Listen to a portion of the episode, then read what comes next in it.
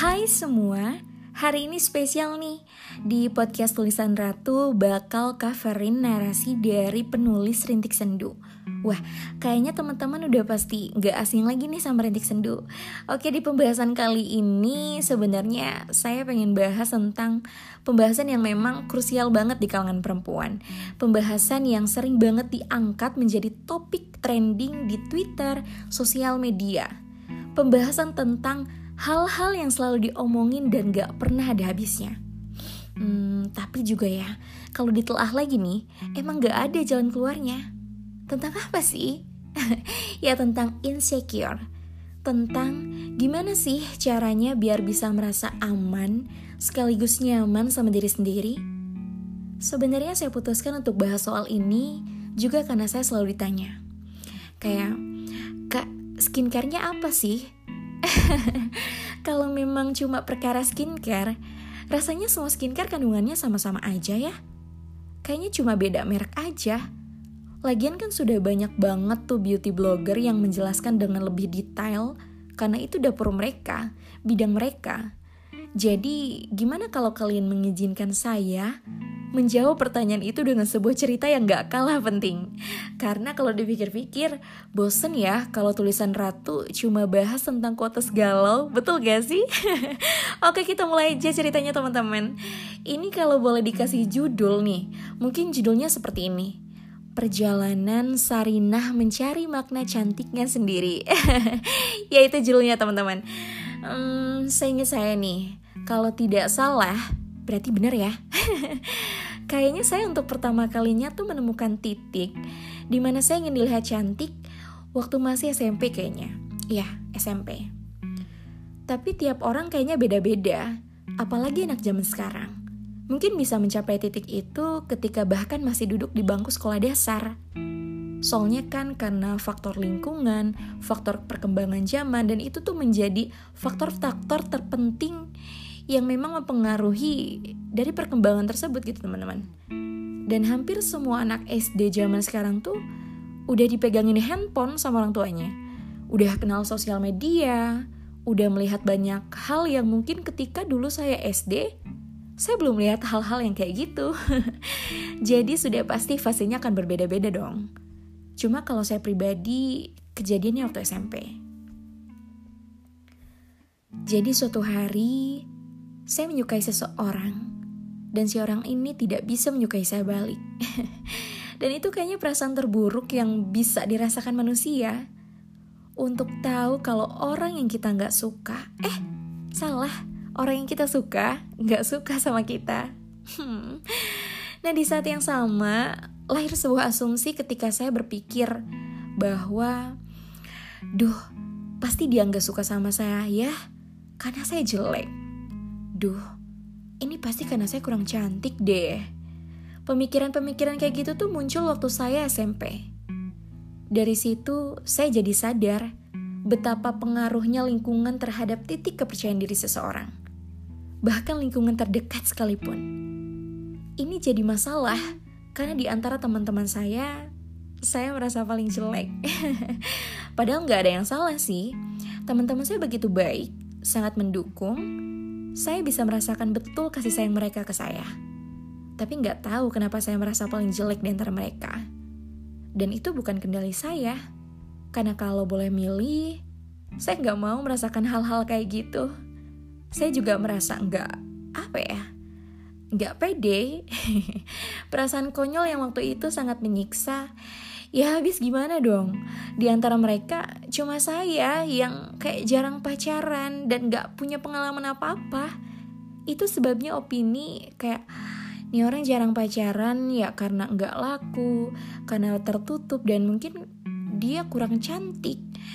Itu bisa membuat orang lain berpikir bahwa saya ini kurang laku dan itu tuh menjadi faktor besar kenapa insecure waktu itu berhasil lahir dengan sendirinya. Jadi ya, yang terlintas di benak tuh kayak mungkin banyak ya kurangnya dari diri saya. Gak berhenti sampai di situ aja loh teman-teman. Saya terus mencari cara gimana untuk bisa mendapat kecantikan yang selama ini saya inginkan. Akhirnya setiap hari Tiap ke sekolah, saya memperhatikan teman-teman saya satu-satu. Tentang gimana cara mereka berpakaian, cara mereka jalan, cara mereka berfoto, semuanya saya perhatikan. Tiap detail saya perhatikan baik-baik. Cuma sayangnya nih, sampai masa SMP berakhir, saya nggak juga menemukan jawaban yang saya cari. saya juga belum merasa cantik, teman-teman. Perjalanan itu berlanjut hingga ke SMA SMA ketika ketika saya justru merasa merasa dua kali lebih jelek dari kayak waktu SMP. Kalau ditanya kenapa? Kenapa ya? Mungkin karena circle SMA lebih parah dari SMP kali ya. Iya gak sih? Masa-masa yang gak friendly ketika rasanya kok diri sendiri gak bisa cukup untuk bisa sama rata dengan lingkungan yang ada. Gak tahu ya. Saat itu, tiap kali ngaca dan melihat diri sendiri di cermin, saya merasa gak ada yang menarik dari diri saya. Sama sekali gak ada. At all, gak ada, nothing. Yang saya lihat tiap kali ke sekolah tuh, kok orang-orang bisa cantik gitu ya. Kalian tahu gak sih, cewek-cewek hits di sekolah yang kita cewek aja kalau mereka jalan nengok. Makanya dulu saya pernah berharap, pengen deh suatu sehari nanti saya ketika jalan, ketika berpergian, saya dilihat sama orang-orang. Walau cuma sebentar aja. Bagian gilanya, saya sempat berpikir untuk apa pun akan saya lakukan supaya saya bisa mencapai titik itu. Walau caranya harus dengan tidak jadi diri saya sendiri. Saya nggak peduli. Perkara cantik benar-benar buat saya sakit. Saya ikutin semua prosesnya kan anak-anak SMA tuh udah kenal genit ya. Mulai dari style, fashion, make up, itu saya ikutin teman-teman. Saya benar-benar mau jadi cantik sangat dan sungguh. Tiap kali saya lihat Facebook atau Instagram, ngelihat orang-orang memposting foto dirinya yang membuat saya termotivasi untuk melakukan hal yang sama. Terus ketika saya coba, saya selfie, sehari bisa ada puluhan foto. Itu semua saya lakukan demi mengincar pengakuan orang lain kalau saya juga cantik. Kemudian timbul masalah baru. Ketika ternyata jumlah likes yang saya dapatkan masih kalah bila dibanding teman-teman yang lainnya. Kayak yang lain tuh bisa sampai ratusan gitu loh. Sedangkan saya 10 likes aja nggak ada. Saya pun mikir, kayak ini apalagi sih yang salah? Apalagi sih yang kurang? Tahu nggak apa yang saya lakukan setelah itu? Photoshop jadi jalan ninja. Ancur nggak? Parah nggak? Percaya nggak seorang Tasna, seorang Sarina pernah melakukan itu? Saya nggak peduli deh, nggak ada yang masuk logika saya ketika itu pipis saya edit jadi tirus, mukanya saya putihin, matanya saya bloin, sampai kalau dilihat lagi itu udah bukan kayak Sarina, itu orang lain. Keadaan saya super buruk teman-teman. Terlebih saya harus berpisah dengan teman-teman SMP yang sekolahnya berjauhan. Jiwa introvert membuat saya menepi dari mereka semua. Merahasiakan masalah-masalah yang gak sederhana, yang harus bisa saya selesaikan sendirian Sampai suatu hari, satu di antara teman saya menelpon. Dia bertanya sekaligus beri komentar. Ada apa Sarina? Ini kenapa bisa sampai bisa upload foto kayak gini? Di situ saya menangis. Tidak bisa menjawab. Sesak sekali rasanya. Seperti yang tersisa dari akal sehat saya udah nggak ada. Terus dia bilang, nggak perlu kayak gini, Sar. Sangat nggak perlu ini tuh bukan lo, bukan Sarinah yang dari SD gue kenal. Wah, itu kalau digambarin rasanya kayak apa ya? Duh, kayaknya ditampar berulang kali untuk bangun dari mimpi yang gak bener. Sejak hari itu muncul pertanyaan baru. Apakah cantik itu berarti saya gak boleh jadi diri sendiri? Apakah cantik cuma dimiliki oleh orang-orang tertentu? Enggak, saya nggak juga langsung dapat jawaban. Sampai ketika lulus SMA pun, jawaban itu nggak juga saya dapetin. Sampai ketika buku pertama saya terbit. Dan untuk pertama kalinya bertemu dengan pembaca saya. Ketika banyak orang menyampaikan ucapan terima kasihnya pada saya, karena sudah menulis, Di situ serpihan-serpihan dari jawaban yang saya cari mulai terlihat keberadaannya. Kayak, mungkin apa adanya saya sudah cukup kali ya. Ternyata masih ada beberapa orang yang bisa menerima saya dengan apa adanya saya. Saya mulai belajar untuk lebih percaya diri, pelan-pelan, step by step, seperti mencoba untuk mengupload foto selfie lagi ke sosial media. Tapi, duh, saya sadar kalau ternyata insecure itu nggak ada matinya. Karena buat diri sendiri kita malah nggak akan pernah cukup. Padahal orang lain fine-fine aja. Kita yang sering ribet sendiri. Kayak ketika semua udah baik-baik aja, terus pas lihat postingan orang lain, minder lagi, frustasi lagi, melihat kok masih kalah juga ya jumlah likes-nya. Kok orang lain cepet banget dapat komennya? Positif semua pula. Ya, yang kayak gitu-gitu tuh, ih, kok dia glowing sih? Ih, warna lipstiknya dia kok bagus ya? Emang dasar penyakit. Akhirnya, diarsipin lagi deh postingan yang bahkan belum sehari itu. Atau bahkan dihapus. Dan kejadian itu terus terjadi terus menerus. Kayak gak ada kapoknya. Sekarang kalau standarnya harus kayak orang lain ya, ya susah.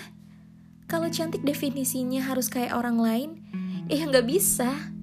Mungkin ini akan terdengar clash kalau saya bilang semua perempuan itu sudah cantik.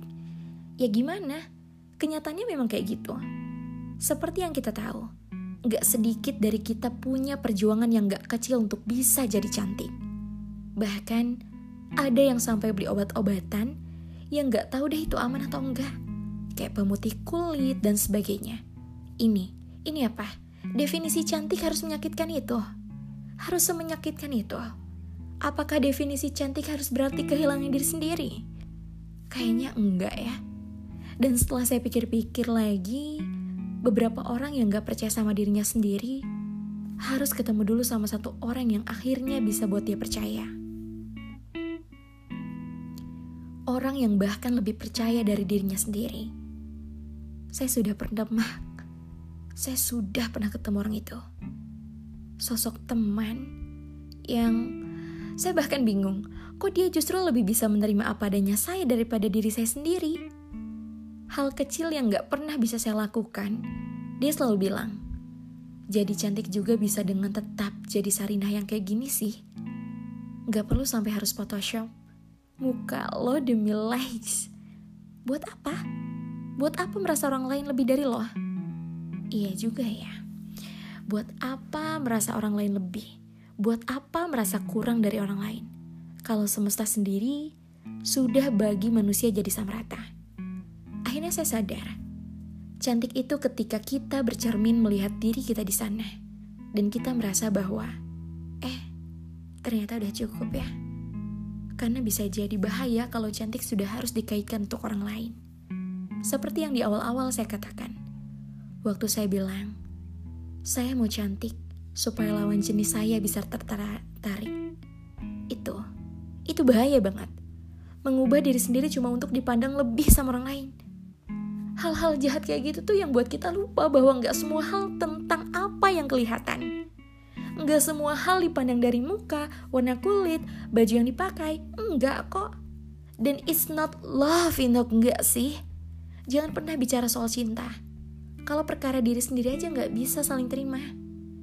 Saling terima di sini bukan cuma hubungan-hubungan searahnya, tapi juga hubungan kita terhadap diri kita sendiri. In case, dia udah bisa nerima kita seadanya. Tapi kita yang gak bisa. Ini mau jahat sama diri sendiri sampai kapan? kalau sudah mulai dihampiri kalimat-kalimat seperti, Duh, dia pasti gak suka karena aku jelek. Percaya deh, jawabannya bukan itu.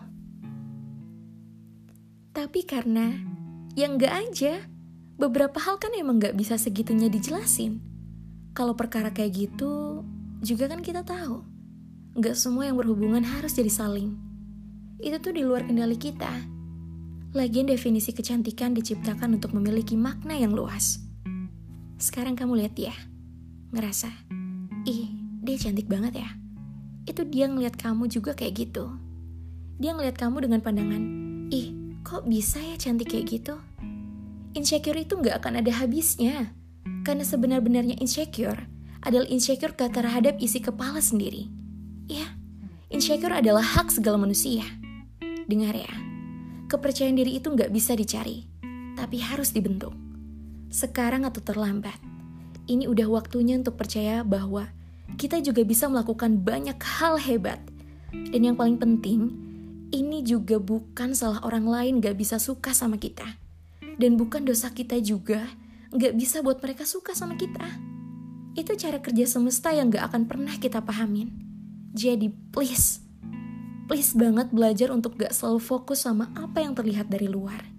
Gak apa-apa, dulu saya juga gak percaya dengan apa yang sekarang lagi saya omongin sampai proses itu benar-benar ada hasilnya. Percaya deh, nanti kamu akan ketemu. Ketemu dengan orang yang akan melihat kamu seutuh-utuhnya. Dan kalau memang belum ketemu, itu bukan karena ada yang salah dari diri kamu. Atau ada yang kurang. Bukan. Ya memang belum ketemu aja. Belajar ya. Belajar untuk menerima diri sendiri. Karena buat saya, cantik itu ketika seseorang perempuan bisa melakukan sesuatu yang dia sukai tanpa paksaan, ketika dia bisa mewujudkan mimpi-mimpinya, ketika dia bisa membagikan hal baik, paling tidak buat dirinya sendiri. Kita nggak akan pernah bisa menyenangkan semua orang. Itu bahkan semesta aja nggak bisa. Jadi, senengin dulu aja diri sendiri. Bahagiain dulu diri sendiri. Entah apa ada yang lebih cantik dari itu. Orang lain bisa datang dan pergi, tapi itu nggak boleh terjadi sama diri sendiri. Kita harus tetap ada, harus selalu ada, dan nggak boleh nggak ada. Satu-satunya yang kita punya, yang tersisa, dijaga ya.